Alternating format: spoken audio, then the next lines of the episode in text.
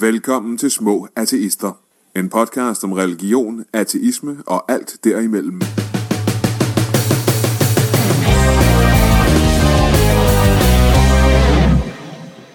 Velkommen til Små Artister, hvor vi skal snakke lidt om dronningen og et nyt DR-tema.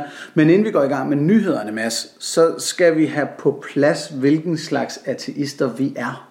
Ja, øhm, og det, det er fordi, vi har aftalt, at i dag der vil vi prøve at tale om den her øh, Dawkins-skala, øh, som, som mange bruger til at definere eller tale om, hvad, øh, ja, som du siger, hvad, hvad, hvad er en ateist, hvornår er man agnostiker, øh, og hvor meget tror man, og hvor meget afviser man tro. Ja, hvor meget tror man ikke, selvom det ikke burde være noget, der kunne gradbøjes. Nej. Men mit navn er Anders Stjernholm, og over for mig sidder Mads Ahola.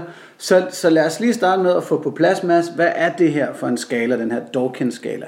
Jamen, jeg, jeg, jeg vil sige, det, jeg synes, det er et samtalepapir. Det er, øh, han, har, han præsenterer den vist første gang i sin bog øh, The God Delusion, hvor han øh, forsøger på, tror jeg, at, at stille op, hvor ateistisk man kan være, uden nødvendigvis at være 100% sikker på, at øh, guder ikke findes. Fordi det er, det er der mange, der mener, at rent filosofisk set, så kan man ikke 100% afvise noget overnaturligt eksistens. Og det, det siger han så, jamen det er fint. Ja, Hvor og det, meget det, er så, det er så den her diskussion med agnosticisme kontra gnosticisme. At når man er gnostisk eller gnostisk, der er nogen, der ikke har det her G stumt, så er man stensikker. Og det er mærkeligt at være stensikker på et område, hvor vi ikke kan være det, som for eksempel eksistensen af en gud. Ja, og, og, øhm, og så er det så stensikker, det er også bare sådan et fjollet blødt udtryk, fordi gnostisk, det betyder viden jo. Hmm. Øh, og man behøver jo ikke være stensikker for at have viden.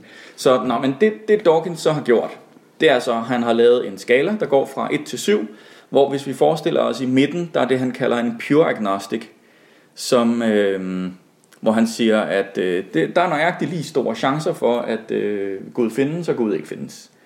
Yes. Øhm, jeg, jeg tror ikke, de fleste, der bruger agnostisk, de, de anerkender den, den position. Det vil, være, det vil faktisk være rasende morsomt, hvis man fremover, når nogen sagde, at jeg er agnostiker, bare sagde, nå okay, så du mener, det er et 50-50 spørgsmål. Fordi det vil jo faktisk tvinge agnostikere til at erkende lidt mere af, sådan, hvad, hvad, hvad tror du egentlig om sandsynligheden? Ja, og, det, vil, det- og så, vil jo, så kan man jo så tage stilling ud fra den her skala, den går ligesom tre trin i hver retning. Øh, og, og, og ned mod os, der hedder den så øh, weak atheist på femeren, og sekseren er de facto atheist. Øh, Det er et ord, jeg ikke er glad for. De facto? Ja, fordi du er stadig ateist, selvom du er weak atheist. Ja. Altså, og de facto er sådan en måde at sige, jamen, så er du faktisk ateist, hvis du er stadig. Nej, ja. noget pjat, jamen det er du. Du er bare sådan mellem. Ja. Og i virkeligheden så er skalaen, det, det, det handler jo bare om at få folk til at sætte ord på, hvad de egentlig mener med mm. det. Fordi der er så mange forskellige grader af sikkerhed. Hvor meget interesserer man sig overhovedet for det her spørgsmål? Øh, og det burde, det der med, hvor meget du interesserer dig for det, bør være fuldstændig uden for skalaen.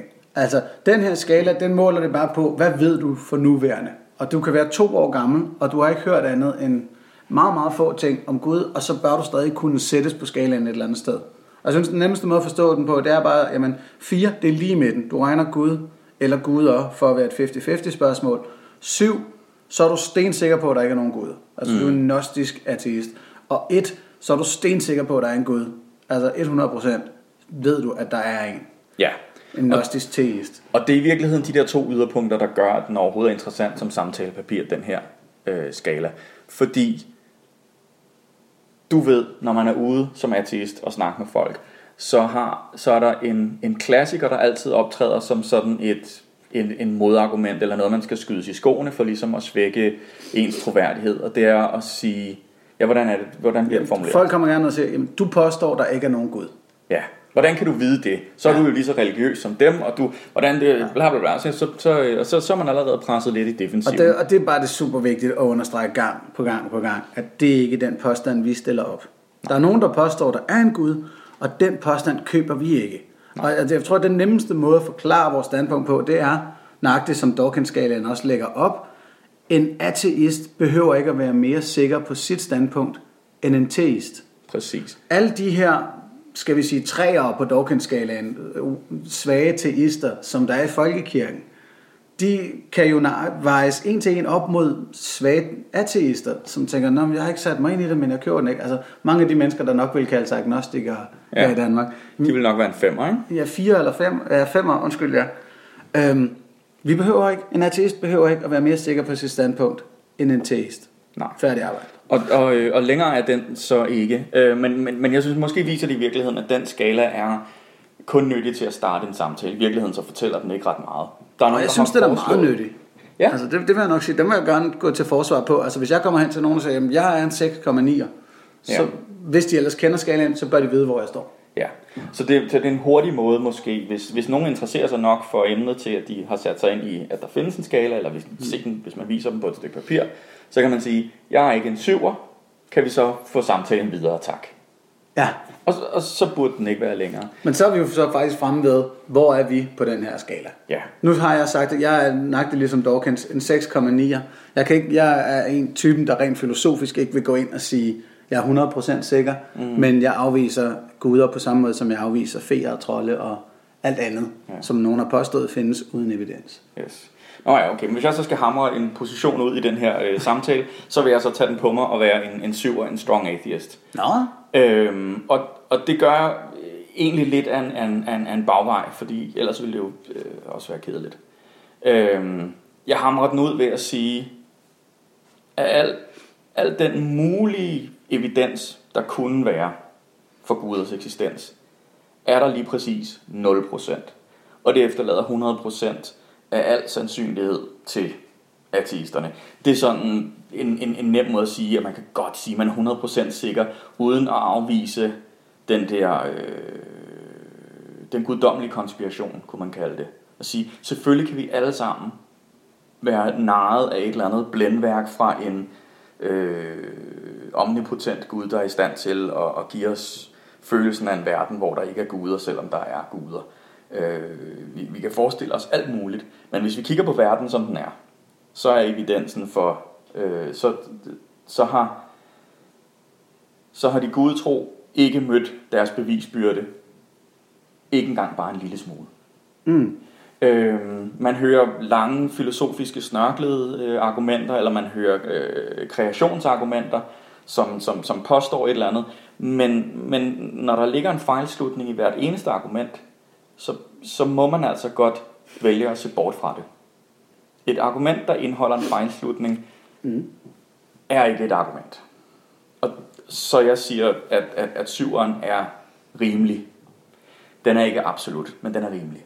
Ja, men det læner sig lidt hen af øh, øh, Clemens Kappels fordom om hyperateisme, som ligger på Ateistisk Selskabs øh, YouTube. Så skal man være velkommen til at lytte til, hvor han også ligesom går ind og siger, jamen, vi ved det jo godt. Ja. Ja. Efterhånden har vi jo ligesom fået slået fast, vi ved det her. Øh, Jeg havde en debat med øh, en troende fyr, der hedder Manuel Vigelius i, i Luthers mission, som kom med en udtalelse, som var, at Gud kan ikke bevises eller modbevises. Og jeg er nødt til at rette ham lige med det samme og sige, nej, det, det, han kan da sagtens bevises. kan da sagtens, hvis det bare lige, der var det, man vil kalde et bevis, så var han da bevist. Hvis han viste sig eller et eller andet. Øhm, så, så det her spørgsmål, om der findes en Gud, kan jo altså godt afklares. Ja. Øhm, bare kun til, til et et-tal på Dawkins-skalaen, altså ved at en Gud eller flere viser sig. Og ja. det er ikke sket. Nej, jeg vil, jeg vil, jeg vil øh, øh, tage den øh, øh, på samme måde og sige for eksempel øh, sådan noget som, ved du hvad din mor hedder? Og så vil du typisk svare, Ja, det har jeg styr på. det har du styr på. Det ved du faktisk. Og, og, og det er lidt på samme måde, som der, der kunne sagtens være, at du var blevet forbyttet efter fødslen, eller der kunne være et eller andet, eller, eller ved du, hvad din mor hedder? Hun hedder i virkeligheden noget andet, fordi hun var en russisk øh, agent under den kolde krig, eller et eller andet. I virkeligheden hedder hun Katja Kamikonova, og, altså, ja. Ja. men du ved, hvad din mor hedder. Så har hun virkelig godt styr på fynsk af en, der kommer fra Rusland. Ja. Men, Men men, ja. men, men så viden, altså ordet ved, er ikke urimeligt, og det er jo det, Clemens Kappel går ind og siger, jeg ved, hvor jeg har stillet min cykel, og jeg ved en hel masse ting, og jeg ved, at Gud ikke findes, fordi der er ikke noget evidens for det. Betyder det, at der ikke en, en dag kunne dukke et stjernetegn op, der stavede ordene, øh, ja, her." jeg er den, den og den Gud fra det og det bibelvers, øh, go nuts. Jamen, det kunne da sikkert sagtens ske, øh, hvis sådan en Gud fandtes. Og, og, og eftersom det ikke sker, så siger jeg, jeg er 100% sikker. der findes ikke guder. Yes. Der findes ikke overnaturlige guder. Åh, oh, så her er vi nede i Messi er en gud, og så lige pludselig kan det begynde at blive drøftet. Ja, man skal Eller jo hvad altid, mener du? Det, det, er jo bare, det, er jo, det er jo bare rygdækning. Okay. Små ateister. Så lad os komme videre. Ja, vi skal videre. Nyhederne. Du har, øh, du, du har samlet lidt nyheder ind til os. Ja, først og fremmest så var jeg til en høring på Christiansborg, øh, jeg tror det var forrige uge, det var også ligegyldigt, når, når det her udkommer, så har jeg ikke styr på, hvornår noget var. Øh, det var i øh, slut oktober, ja, den 26. oktober, var jeg på Christiansborg til en høring, øh, som var øh, værtet af Nasser Carter og et forlag, der hedder Presto, som udgiver en bog, der hedder Allahs Fængsel mm-hmm. af Walid al-Husseini, som øh, er en fransk mand, det tror jeg, han tæller som nu, som flygtede fra Palæstina, og øh, i den forbindelse blev ateist, og så har han skrevet om sin, sin rejse fra muslim til ateist og følgerne af det. Og det er jo så også, fordi i Frankrig er der et ganske enormt pres øh, på, på, øh, på øh, folk, der forlader islam. Okay. Og det hører- mere pres end i Danmark, eller? Det, det tror jeg, øh, som jeg lige fornemmede det på, men det er jo ærligt talt, det aner vi ikke. Nej. Fordi der er ikke særlig meget forskning på det her område, og der er ikke særlig god kvantificering af området. Men det er jo så det, som høringen handlede om. Øh, Nasser Carter kom og fortalte lidt om situationen i de arabiske lande, som han mener er blevet et godt stykke værre de sidste 20 år. Øhm, og vi talte så også om situationen her i landet. Og der var tre eksmuslimer, danske eksmuslimer, der kom og fortalte deres historie. Kun en af dem ved navn. Øh, Erkan Alisi, som også er lidt kendt fra, fra omskæringsdebatten. Øh, han optrådte ved navn.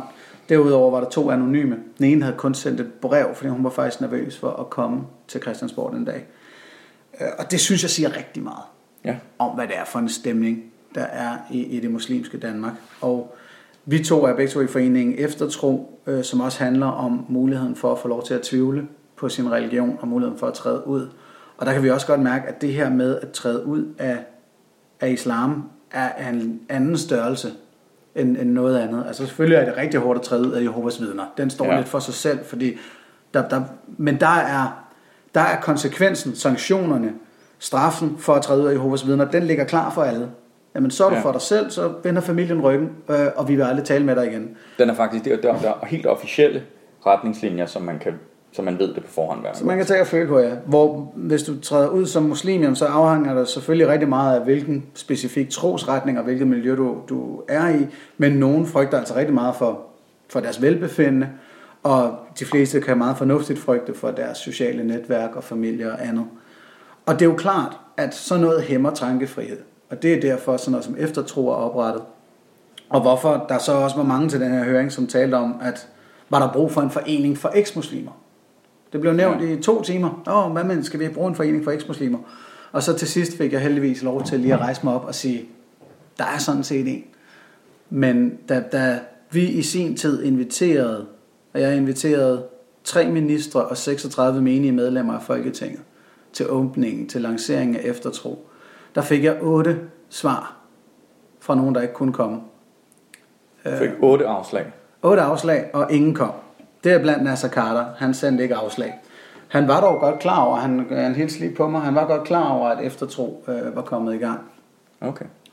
Ja, men så kan man jo trykke ham lidt på maven og se, om han får lyst til at, at, at hoppe på den igen. Ja, altså vi har fået enkelte tilkendegivelser. Peter Skårup fra Dansk Folkeparti mener, mm. at øh, social kontrol af enhver art bør bekæmpes.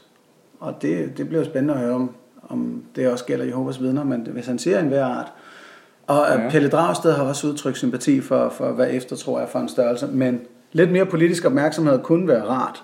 Øh, ja. I hvert fald nu, hvor at islam giver jo selvfølgelig politisk opmærksomhed. Spørgsmålet er, om politikerne også er klar over, at, at vi har altså andre religioner i Danmark, som, som holder deres menigheder i et jerngreb. Ja, og måske at man i det hele taget, at man godt kan deltage i den her debat, uden at politisere det, altså det vil sige uden at, at, øh, at lægge op til, til, til lovgivning eller fordømmelse af det ene og det andet. Det- Og det er der jo rigtig mange af vores medlemmer, øh, der, der, der også fortæller, at de jo øh, de er måske lidt skuffede, men, men de er ikke nødvendigvis sure på deres familie, fordi de forstår også, hvordan det er indenfra. De vil bare gerne have et sted at lande. Øh, så, øh, så for os at sige, det behøver ikke kun at handle om, hvorfor at muslimer er dumme, eller øh, forfærdelige, eller øh, alle, der er religiøse, er værre end andre mennesker, og alt sådan noget, som man tit bliver skudt i skoene, når man starter den debat. Det kan også bare handle om, at det er svært begge veje. Det er også svært for familien at forstå nogen, der forlader det, som der for dem måske føles som det godeste gode. Mm. Eller tage en vej, som føles farlig, hvis de tror på helvede. Så er det en farlig vej, de går, ikke? Og det, ja, og det er jo det, som flere fra eftertro også ligesom har sagt, jamen Jehovas vidner for eksempel, hvor at forældrene ikke har vel tale med dem. Hmm. De ved jo godt, det er jo faktisk ud af kærlighed fra de her forældres side. Fordi forældrene lever i en verden, hvor at det, det gælder om, det er evigheden efter dommedag. Så hvad betyder de her 20, 30, 40 år, man kunne have sammen her, hvis det betyder en evighed fra hinanden? Øhm, og, og det kræver jeg tror mere empati, end jeg lige mestrer, at, at sætte mig ind i hovedet på den der tankegang. Men, Empatisk akrobatik. Ja, det må man sige. Men det vil jo så også sige, at fra politisk hold er der måske ikke behov for indgreb, der skal prøve at bløde op for de her parallelt samfund.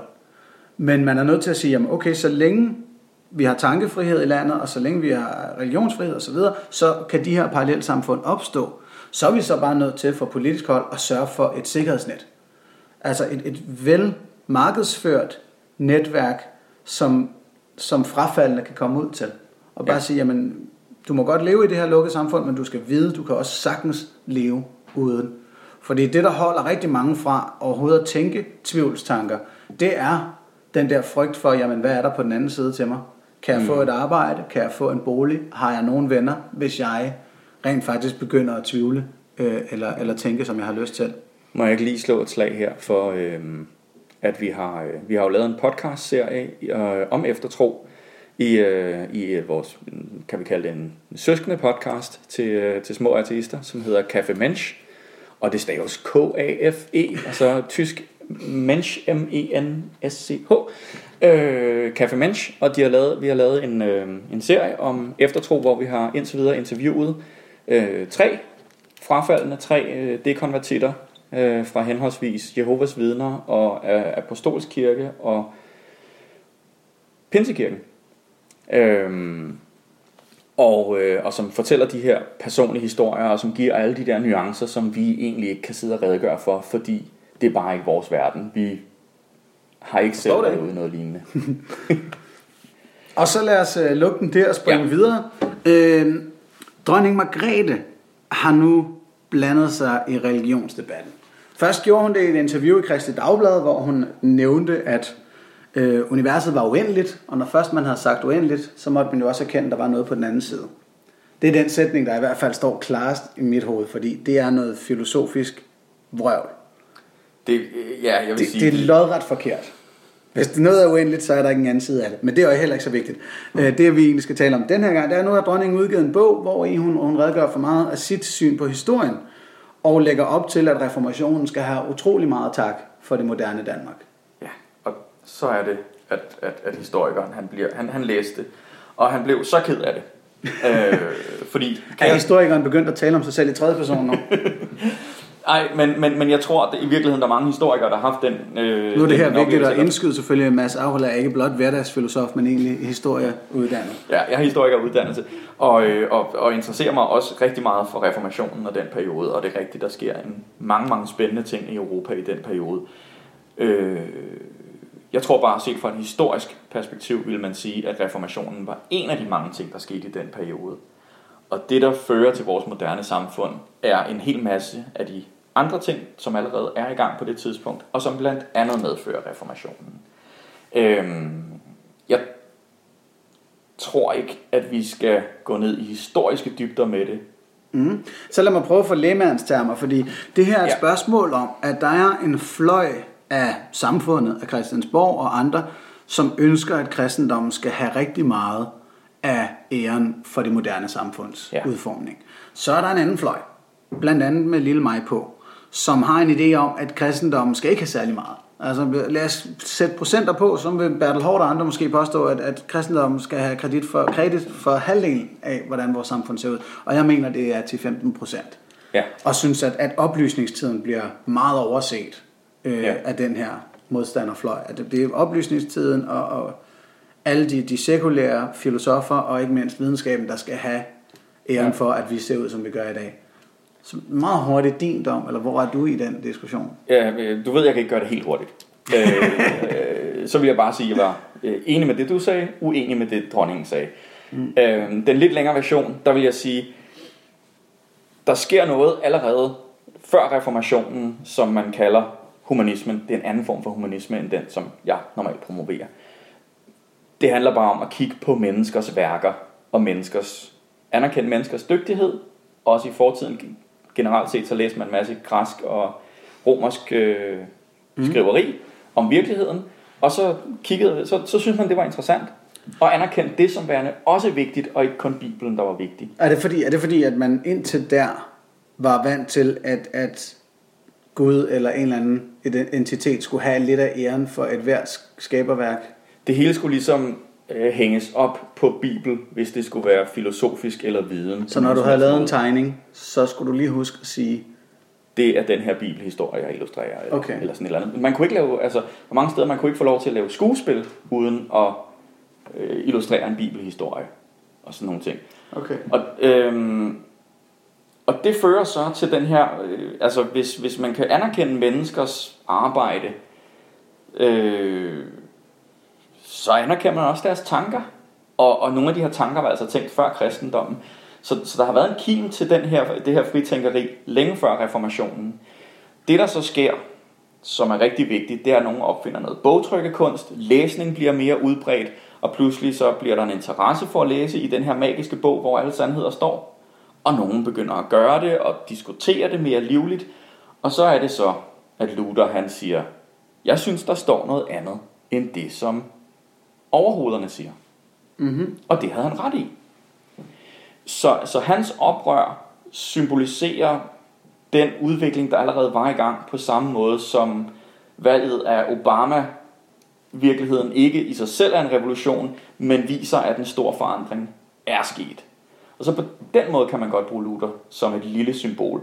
Men det han så gør, bruger det til, det er, at han skaber en ny, fantastisk fundamentalisme, og er med til at starte en konflikt, der kaster Europa ud i 125 års blodbad, øh, som bliver løst i det øjeblik, monarkerne sætter sig ned og bliver enige om, at det er okay at tro på forskellige ting. Yes. Så, Så, så, så, så, så det er den ultrakorte udgave. Øh, det kan være, at jeg en gang en dag laver en lang udgave, men, men det har vi ikke rigtig plads til i det her format. det kan være, der kommer en historie special af små artister på et tidspunkt. Øhm, så lad mig prøve at gå videre, fordi apropos den her fløj, som gerne vil øh, give kristendommen en masse ære, der er der også nogle DR-chefer, tillader jeg mig at påstå. Og lige øh, nu i de her dage, der lægger DRK an til et større tema, som hedder, hvor kristen er du? Og på, i, i optagestund lige nu, der er det først lige startet. Og Ja. de har lavet en enkelt voxpop ude på gaden og spurgt nogle danskere, hvor kristen er du? Og, og en, en hurtig undersøgelse også, der viser, at vi ikke er særlig kristne. Jeg kunne simpelthen ikke få armene ned. Den tilgang, bare at spørge folk, hvor kristne det er, det er jo det, vi gerne vil have. Ja, Det er den diskussion, vi synes. Lige på nær. Lige på nær. Der er en ting, som jeg er nødt til, og jeg har også spurgt Morten Thomsen Højskov, som er øh, redaktionschef på, på DR Historie og Tro på Twitter. Hvorfor spørger de til kristendom? Hvorfor ikke spørge, hvor troende er du? Lad os da fagne alle religioner og alle muligheder. Øhm, men det hænger måske sammen med, og jeg siger måske, jeg sidder ikke og prøver at lufte en større konspirationsteori. Det hænger måske sammen med, at Morten Thomsen Højskov er tidligere øh, generalsekretær for Bibelselskabet. General, general. Jeg tror, det var generalsekretær af titlen, men det er også en slags direktør. En Ja. chef. Det må man sige. For Bibelselskabet, som jo altså er en, en forretning, der søger at udbrede Bibelen meget. Og han blev ansat af Tina Smedgaard i DR, som er teolog. Men mere vil jeg ikke sige. Mere vil jeg ikke sige. Jeg, jeg, jeg stater kun facts. Men jeg synes, det er lidt spøjst, at man fra DRK's side af vælger at, at køre det her kristenfokus, i stedet for at køre et, et religionsfokus eller et trosfokus. Øhm, og jeg glæder mig meget til at se, hvad der kommer ud af det hele den her.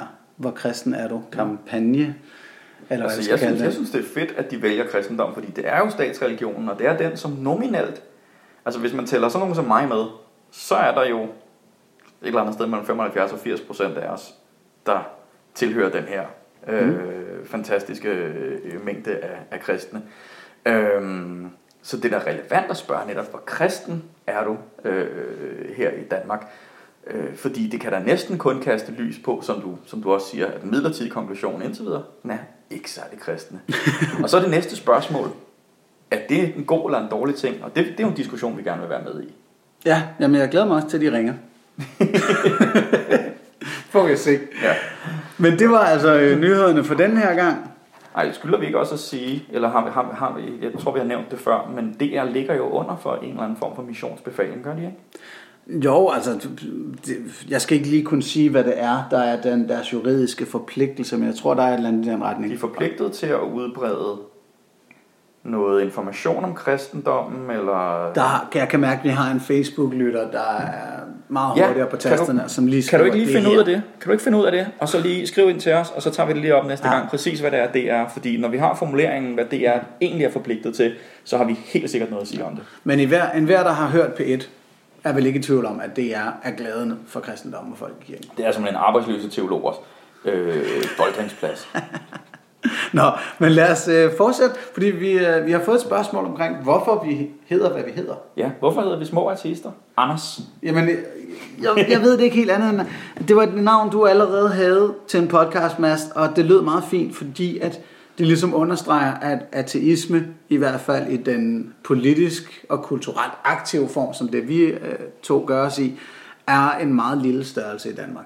Ja, det er, det det er det, vi er næsten, vi er næsten ude i noget bibelsk, ikke? Vi er næsten ude i David og Goliat, og, og, og, og der er det altså også, der er, der er David. Det er også der er de små i den her diskussion. Kunne, Alright. kunne det være en måde at... Jamen, øh, det synes jeg jo stadigvæk er rigtigt nok. Altså, Ja. ja. vi er kanonsmå og har ikke mange penge, og vi har ikke mange, øh, der er ikke mange politikere, der prøver at presse os ind i finansloven eller noget som helst. Og vi klager heller ikke.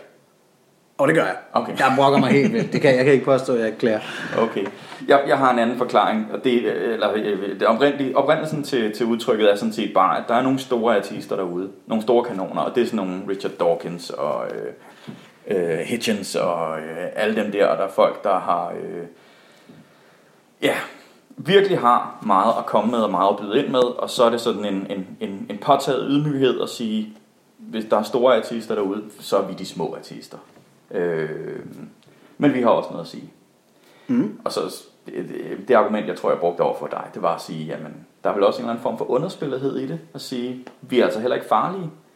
Altså, så hvis folk synes, at artister lyder som noget, nogle slemme, slemme nogen, så siger vi små artister, så den der fordom om farligheden, eller vreden, eller et eller andet, ikke? Den, den er allerede lidt punkteret lige der. Og det synes jeg, der, der, der var et fint signal i.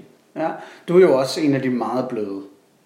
Ja, Altså, og Ja. jeg, jeg prøver også at være det en gang imellem, så, så, så knækker den bare lige. Uh, nej, den knækker ikke, så, så er jeg nødt til at blive vred. Uh, Ja. men, men generelt synes jeg, at, at Ateistisk Selskab har lagt en blødere linje, Ja. siden, siden jeg, jeg overtog kommunikationen. Uh, ja. det er jo meget fornuftigt. Ja, altså det er et eller andet sted, som jeg plejer at sige, med de argumenter, vi har, så behøver vi ikke at være stride. Altså vi, vi sidder meget godt i det, Ja, sådan argumentatorisk, så, så der er ikke nogen grund til at bruge tricks, der er ikke nogen grund til at, at gøre andet end blot blive ved med at tage diskussionen og tålmodigt lytte, hvad, hvad der ellers foregår. Og det er så også derfor, du har snakket om det her med, ateister bygger bro. Kan du ikke lige forklare, hvad det er, du mener med det? Jo, øh, jamen øh, det er faktisk lidt i forlængelse af den der øh, høring også øh, omkring øh, islam, at, øh, at der er mange muslimer, der som du siger, øh, når de forlader troen, så frygter de også for liv og helbred. Øh, og, og, og det bruger en, lad os sige, der er nogle ateister og, og mange kristne, der bruger det som et, et argument for, at der er noget helt særligt galt med islam. Og, øh, og, og, og jeg, jeg er enig i, at de enkelte religioner er forskellige, og islam er også forskellig på sin egen måde, har sin egen historie og sin egen tilstand lige nu, mm. som er værd at tage alvorligt. Men jeg tror, øh, dels så tror jeg ikke, det nytter, og dels så tror jeg ikke, det er rigtigt at bare sige, at islam er noget særligt og helt særligt farligt, og derfor er det særligt vigtigt, at vi bare snakker om islam hele tiden, og så i øvrigt glemmer vi at snakke om de andre religioner. Øhm, Så langt er jeg enig med dig, men jeg kan mærke, at der er en lille uenighed på vej. Fortsæt lad, os, lad os komme til den, lad os komme til den. Men, men, men det jeg mener med ateister bygger bro, det, det, der mener jeg, at det der mangler i forhold til apostasi. Altså, at der er en hadith, der siger, man skal helt sikkert dø, hvis man forlader troen, og det, øh, man er virkelig frygtelig. Øhm, okay, øh, den, Ja, den, den er svær, men den, er, den gælder jo ikke for særlig, altså der er ikke særlig mange muslimer, der, der, der tager den alvorligt, men, men, men samtidig så kan man mærke, at der er den der oh, frygt. oh, nu ved du godt, nu ved du godt. Altså, nu kommer den op på Facebook-siden. En eller anden linker til Pew Research Center, som siger, at x procent af muslimer går faktisk ind for dødsstraf for apostasi. Ja, og man kan helt sikkert også, hvis man kigger på øh, især øh, øh, Bangladesh for eksempel, der er jo en decideret der dødspatruljer øh, nærmest mm-hmm. for tiden. Ikke? Øhm, nej, men jeg vil et andet sted hen. Jeg vil, jeg vil egentlig til Danmark. Øh, og hvor mit gæt er, at ateisme er relativt ukendt i islam og i muslimske kredse af de samme årsager. At det er noget, der er opstået historisk, især i Vesten, som værende noget, man for alvor kan gå op i at være gennem de sidste par hundrede år. Øh, og det vil sige, familier, som er indvandret, har måske ikke en kulturel forbindelse til ateister. Og det vil sige, hvad, hvad er det, folk frygter mere end noget som helst andet? Normalt. Så vil man jo sige, det er ukendte. Mm-hmm. Mange, der siger i hvert fald. Jeg, jeg, jeg kan se, at du siger det ikke. Nej, Mange frygter jeg, det jeg, ukendte jeg mere end frygter gætte, hvad det var, du ville have. Så jeg tænker, at det er... Oh, tak. Øhm, men jeg tænker, at det har en stor forstærkende virkning, at ateisme og ateister er så relativt ukendt i Ja. muslimske kredse. Jeg er ret sikker på, at mine naboer ville anse mig for at være kristen, hvis man bare spurgte dem. Og, og det er jeg jo ikke. Mm. Øhm, men, men det er jo bare sådan, man ser på danskere, at de er kristne. Det og synes vil jeg er en- hvis de synes, jeg er flink fyr, så tænker de, når man kristne kan godt være flinke, men sådan nogle gudsfornægtere, de er jo nogle frygtelige nogen, og satanister, de er jo også forfærdelige. Og der, altså, fordommene står i kø lige så snart, at man ikke har berøring med nogen. Jeg synes, det er meget sigende nemlig. Altså, lad os prøve at dele øh, troende op i tre grupper. Altså, der er en gruppe, som ikke ved, at der er et alternativ til deres tro. Og der er jo virkelig mange, der vokser op sådan. Altså, der er mange, der når at blive teenager, før de finder ud af, at man kan faktisk være noget andet, end det vi er. Altså, du tænker, så vokser man Her op tænker i Jehovas vidner. Og, Globalt også. Ja, okay. Altså, og det er derfor nogle gange, når, når, når kristne eller muslimer står og siger, om vi er 1,7 eller vi er 1,9 millioner verden over, så bare, ja, men jeg kan ikke forstå, du tager æren for de medlemmer, som ikke aner, at der er et alternativ. Altså, jeg, jeg vil heller ikke prale af øh, 24 millioner nordkoreanere, som er ateister, fordi de har ikke nogen mulighed for at være andet. Det vil være fucked up af mig at prale med det. Øh, Men der er en gruppe der, som ikke aner, der er et alternativ. Og så er der så en mindre gruppe, som ved, eller en større gruppe forhåbentlig, som ved, der er nogen, noget andet at gøre. Og det er der, hvor du er på vej hen med. Der er så iblandt dem især en, en idé om, at det med ikke at have en tro, er, er en skør ting at gøre. Og ja. Så er der, og frygter jeg, en lille gruppe, som synes, at man skal have lov til at gøre lige, hvad man vil. ja. Ja, Altså, du frygter, at gruppen er meget lille. Jeg frygter, at gruppen er lille, men, ja. Men det er det der med, jeg tør ikke helt stole på Pew Research-tallene, fordi det her med, hvordan opfatter man sharia som den enkelte ja. Ja. muslim og sådan noget, der er en masse bøvl med det der. Der er også noget med, at, at, at altså, man kan også svare på sådan en som i, oh, jeg kender svaret. Altså, som i, jeg kender det rigtigt, og jeg laver lige gåseøjne i luften, rigtige svar. øh, selvom det måske ikke er det, man ville mene i, altså hvis man selv skulle føre kniven, eller hvis man skulle være med til at føre kniven. Mm. Øh, så, så, Ja. så der er sådan en, Men der, hvor jeg så var på vej hen, det er, at, Ja. at der er nogen, som, som først lige lærer, at hov, der er rent faktisk alternativer til vores tro. Og lad os sige, at du lærer det som 20-årig eller et eller andet. Så er det jo klart, apropos frygten for det fremmede, at, at du tænker, "Nå, okay, hvis de vokser op med noget helt andet end det, jeg har lært, så er de jo nærmest nødt til at være dårlige mennesker. Ja. Altså, det er jo det samme, den samme formodning, som, som den yderste højrefløj af politisk i Danmark også har. Ikke? Sådan, om hvis de vokser op uden grisekød, så kan de umuligt være normale.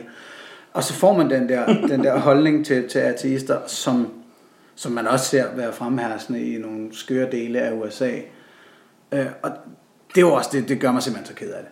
Og man kan blive fortvivlet over, hvad der skal gøres ved det. Ja, mest af alt fordi, øh, man bliver jo netop ked af det, fordi man måske godt i virkeligheden ved, at de mener faktisk ikke noget ondt med den her virkelig grove fordom. De ved bare ikke bedre. Altså, så man kan ikke blive andet end ked af det.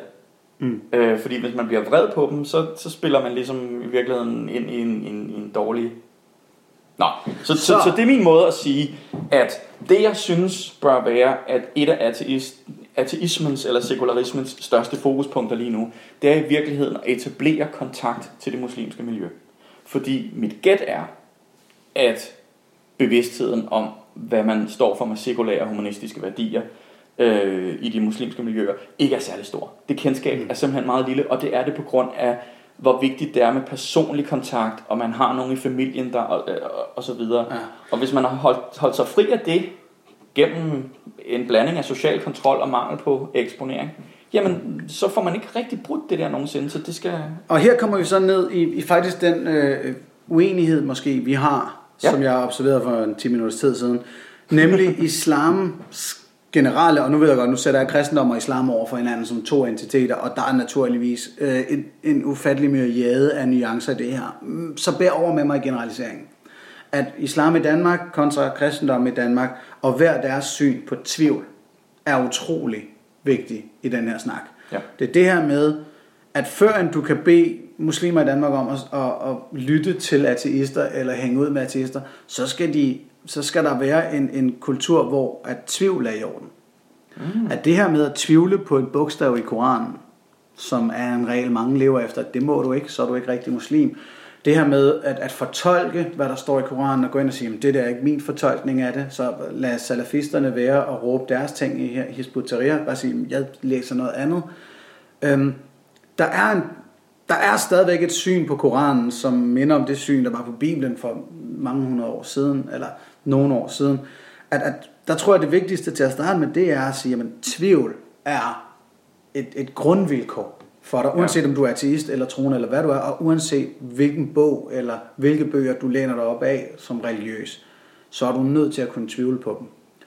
Og det er jo nok derfor, at nogen mener, at hele den her, det her med, at ateister prøver at bygge bro til muslimer, er en, en, er en, en nærmest umulig mission, så længe der ikke er en mere moderat tradition i, i blandt danske muslimer for at sidde og være i tvivl ja. omkring, hvad der står i Koranen og haditherne, for at sidde og komme med hver sin tolkning.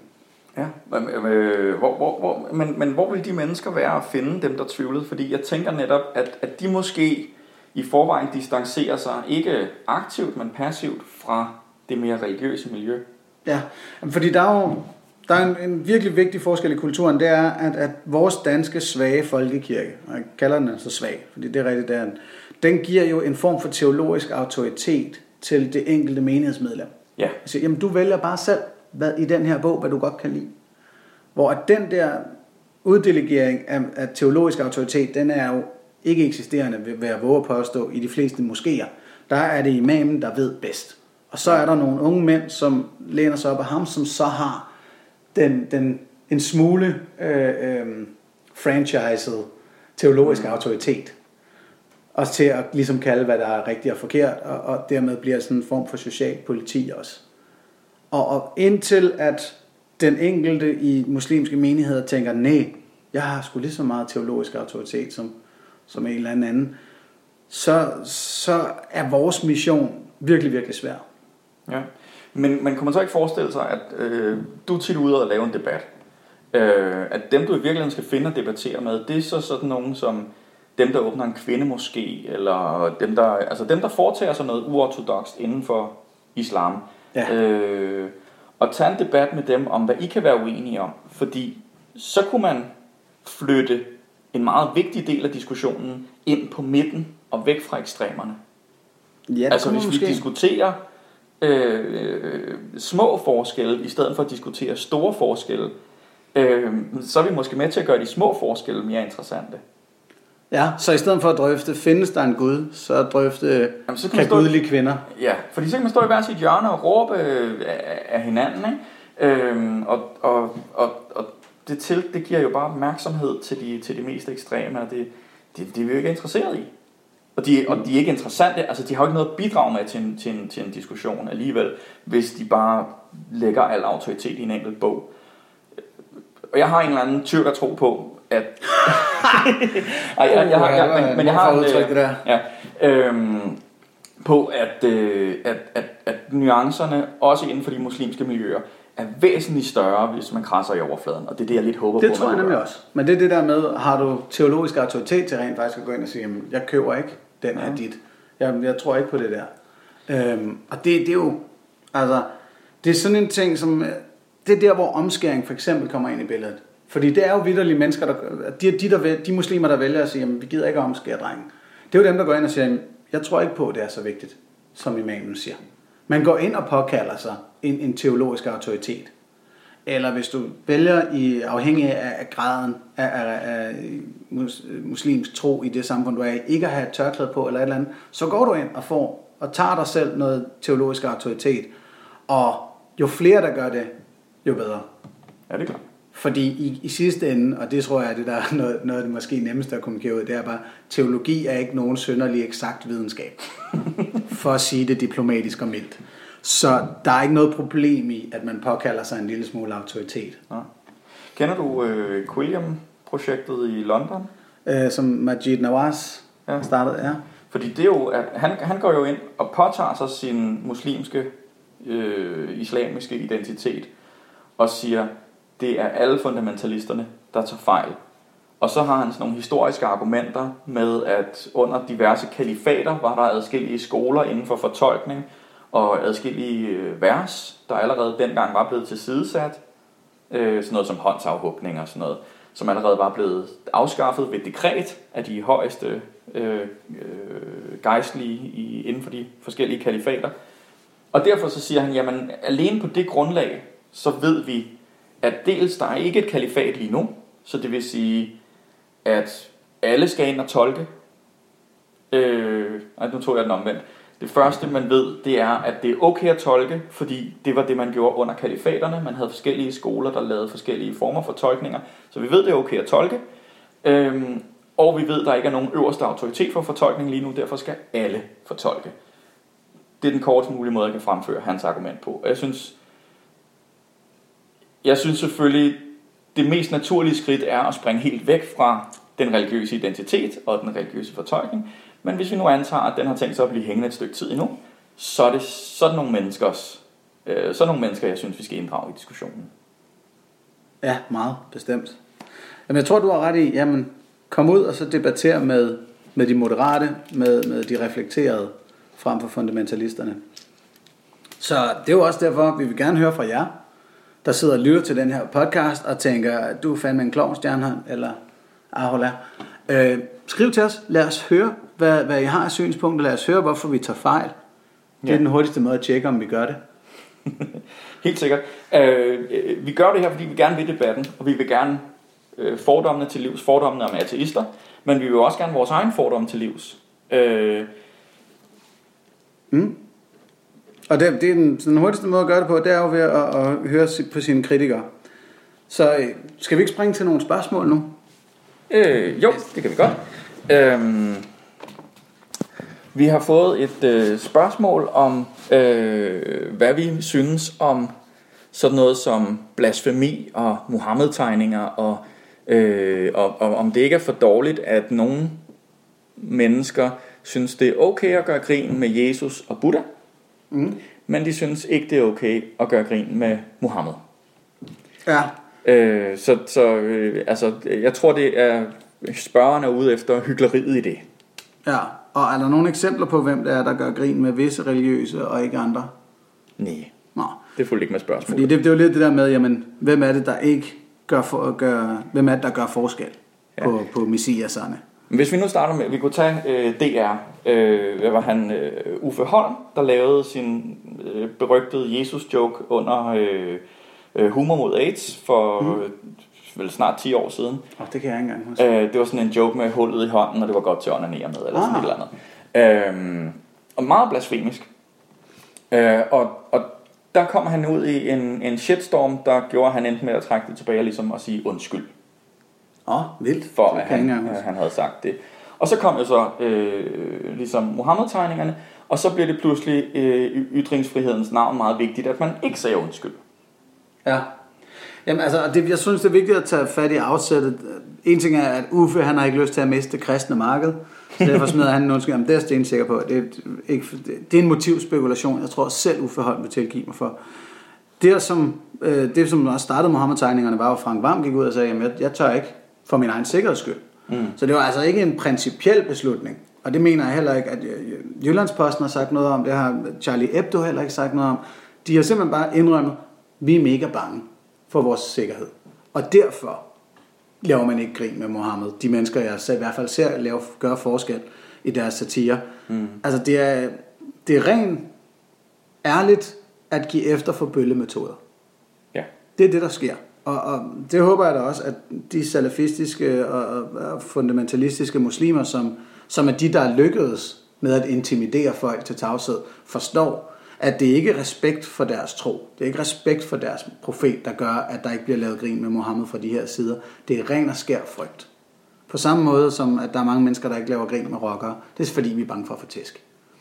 Øh, så, så jeg håber da ikke, at der er nogen, der sådan på, på det principielle niveau vil våge at påstå, at islam skulle være undtaget satire eller kritik.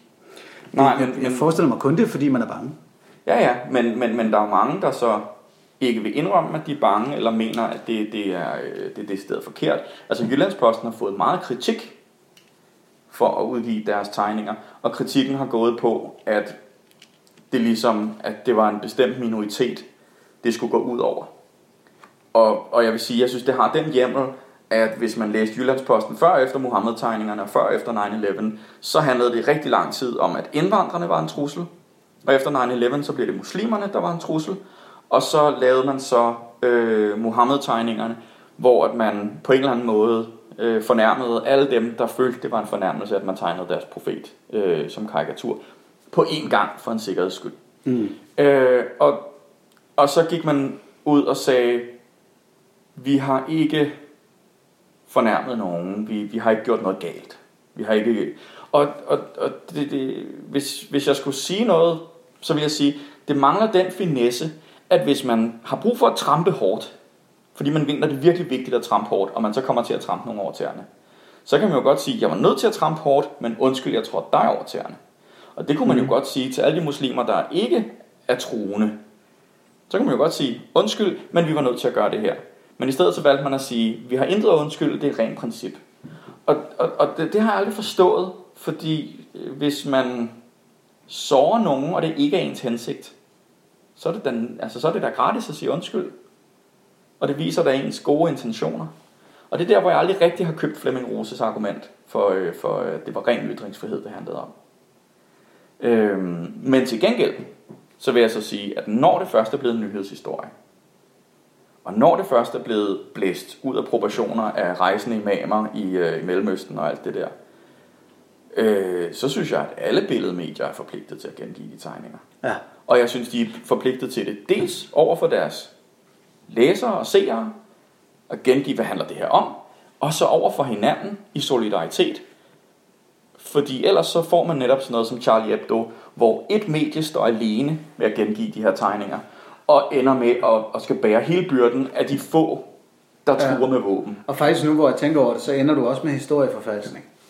Altså allerede, hvornår var det, i 2009-10 stykker var jeg i New York, øh, og jeg kan huske, vi landede nemlig lørdag aften, mig og to kolleger, og så ville vi i byen, og det endte hverken værre eller bedre, end at vi endte på Times Square, hvor vi stod og diskuterede religion. Indtil klokken lort om natten. Hvor der pludselig kommer en fyr hen i en Ernie-dragt, og siger, at han kan En bevise... hvad? Det er sådan, øh, du ved, Ernie fra Sesame Street, sådan en, Okay, okay, ja. børnedukke. Han står og fik taget billeder sammen med folk. Og så siger han, at han har bevist for Gud, og det, det tog helt prisen for alle. Nå, men han står så, det viser sig, at han er muslim, og på et tidspunkt tager han dragten af, og så står vi og drøfter. Hvor han siger, "Men prøv at høre, ham der tegnede Mohammed-tegningen, han er også død nu. Og jeg var sådan, nej, der var 12, og de lever alle sammen. Og han var stensikker i sit synspunkt. Nej, nej, nej, han er død nu. Så jeg prøv at høre, jeg er dansker. Jeg har fulgt den her historie. Der var 12, de lever alle sammen. Du tænker på Kurt Vestergaard, han lever stadig. Men, men historieforfalskning var allerede i gang jo. Ja. Han var blevet straffet for at have, have øh, krænket profeten og så videre. Og så det er derfor, jeg ligesom ser, at, at jo mere vi, vi giver efter, jo, jo færre tegninger, der nu kommer, jo mere undskyldning, der nu kommer, så giver vi bøllerne en idé om, at de har vundet. Ja. Og der synes jeg, det er utrolig smukt, at sådan nogen som, som Majid Nawaz, han poster et link til en Mohammed-tegning af ren princip. Han siger, det er også blasfemi over for mig, men, men jeg vil gerne være med til at stå skulder ved skulder med dem, der ligesom øh, bryder det her tabu. Mm. Øh, så han går ind som muslim og poster Mohammed-tegninger øh, for at vise sin solidaritet. Og det synes jeg kombineret med når, øh, når du siger, at, at mange komikere går ud og siger åbent, at de er bange, er måske det mest, det næst mest kraftfulde, man kan gøre. Måske endda det mest kraftfulde. Fordi hvis man nu går ud og smider en Muhammed-tegning, så er man islamofob og øh, racist med det samme. Ikke? Mm. Øh, men hvis man går ud og siger, jeg vil ikke gøre grin med islam og muslimer, alene fordi jeg er bange, så sender man jo et enormt stærkt signal, og der er ingen, der kan påstå, at man har krænket nogen ved at sige det. Ja, og jeg har en sidste ting, jeg lige vil nævne omkring det der. Og det er, at som jeg forstår det, og nu, det her, der, nu er vi ude i noget, hvor jeg er uvidende, så er der jo nogle grene af islam, hvor du godt må, må afbillede profeten. Ja. Hvilket vil sige, at der er nogle børn i nogle skoler et eller andet sted i verden, som gerne, når de hører historien om Mohammed, der fløj til, til himmels på en hest eller på et eller andet klovdyr, eller Mohammed, der rejste til Medina eller et eller andet, så må de jo godt sidde, ligesom vi gjorde i, i religionsundervisningen, og tegne. Ja. Og de må tegne Mohammed. Det håber jeg da er et spørgsmål, vi alle sammen vil svare ja til, at de børn skal have lov til at tegne deres profet. Ja, Og og det er vel et sted, man også kunne starte debatten bare ved at sige, det skal, de skal aldrig nogensinde frygte for at afbillede, hvad det er, de tror på. nej, og alene, Hvis de har- altså, alene de her børns tilstedeværelse, lige så snart de her børn er med i debatten, så man sige, så er vi alle sammen pludselig ekstra forpligtet til at stå skulder ved skulder ved dem. Mm.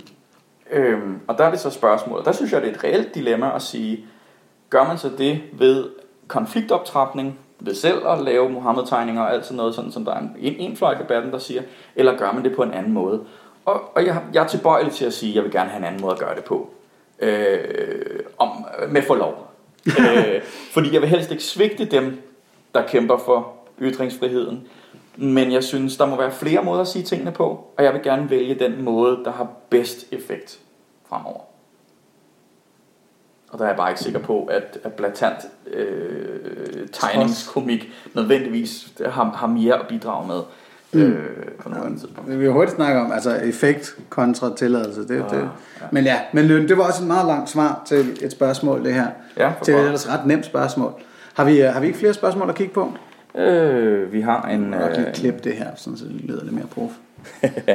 Næste spørgsmål. Yes, øh, det er en kommentar fra øh, Sten Motler Andersen, som skriver, øh, rigtig god begyndelse, synes jeg, men lidt mere Bertel Hårder havde ikke gjort noget. I fremtiden kunne det være rigtig fedt, hvis I indimellem også fik gæster med i jeres podcast. Uha. Ja, altså ambition om gæster, det kan jeg godt være med på. Men til at starte med skal vi lige finde ud af, om, om du og jeg er relevante nok at høre på. Ja, og det er, jo, det er jo det, vi prøver at finde ud af ved at... at, at Men vi kan godt sende en invitation, hvis Bertel gerne vil med Hvis i Bertel vil? artister, så gør jeg gerne en undtagelse for den her opstartsproces. Ja, og så er det så, at, at, at vi kan godt se det i kortene øh, senere hen. Øh, gæster og alt muligt. Men lige nu, der sidder vi, øh, tør jeg sige, i et, i et køkken med en iPhone. Øh, meget øh, lavpraktisk og, øh, og producere det her. Altså, ja, produktionsomkostningerne er også små med hensyn til navnet her. Ja, De er meget, meget små. yes. Godt. Øhm, Og lidt mere Bertel Hårder, jeg skal, jeg skal bestemt overveje det, Sten. Øh, Jeg lige sørge for at følge med i vores kirkeministers udtalelser. der er næsten altid noget at gå i køkken. Yes. Jeg, jeg har ikke, øh, vi har ikke forberedt flere spørgsmål, har vi? Hvis der ikke er flere, så er der ikke flere. Hmm. Igen, det skal klippes ud. Fint. Jamen, øhm, så lad os lukke her med en lovning på, at øh, I nok skal få mere Bertel Hårder. Og det her med gæster, det får lige lov til at vente et par afsnit, synes jeg. Også fordi jeg sidder med, øh, med en bog, der snart skal afleveres. Så, så jeg, har, jeg har ikke overskud til meget andet, end at sige min egen mening. Hvilket sådan selvfølgelig egentlig passer meget godt til Bertel Hårder også. Yes. Så for den her gang, mit navn er Anders Stjernholm. Og jeg hedder Mads Aula. og vi er de små ateister. Jeg håber, vi lytter ved.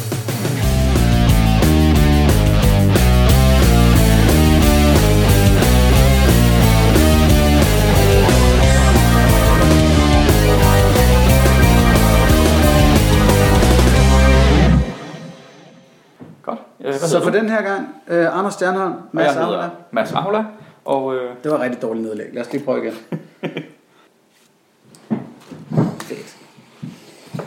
Yes, der er lidt at klippe i. jo. Jeg havde håbet at køre det helt klipfrit, men... Øh... Så skal vi være lidt bedre forberedt. Og så også det her. Og jeg kan se, at Zeppelin 4 fylder 45 år, eller hvad der, der står.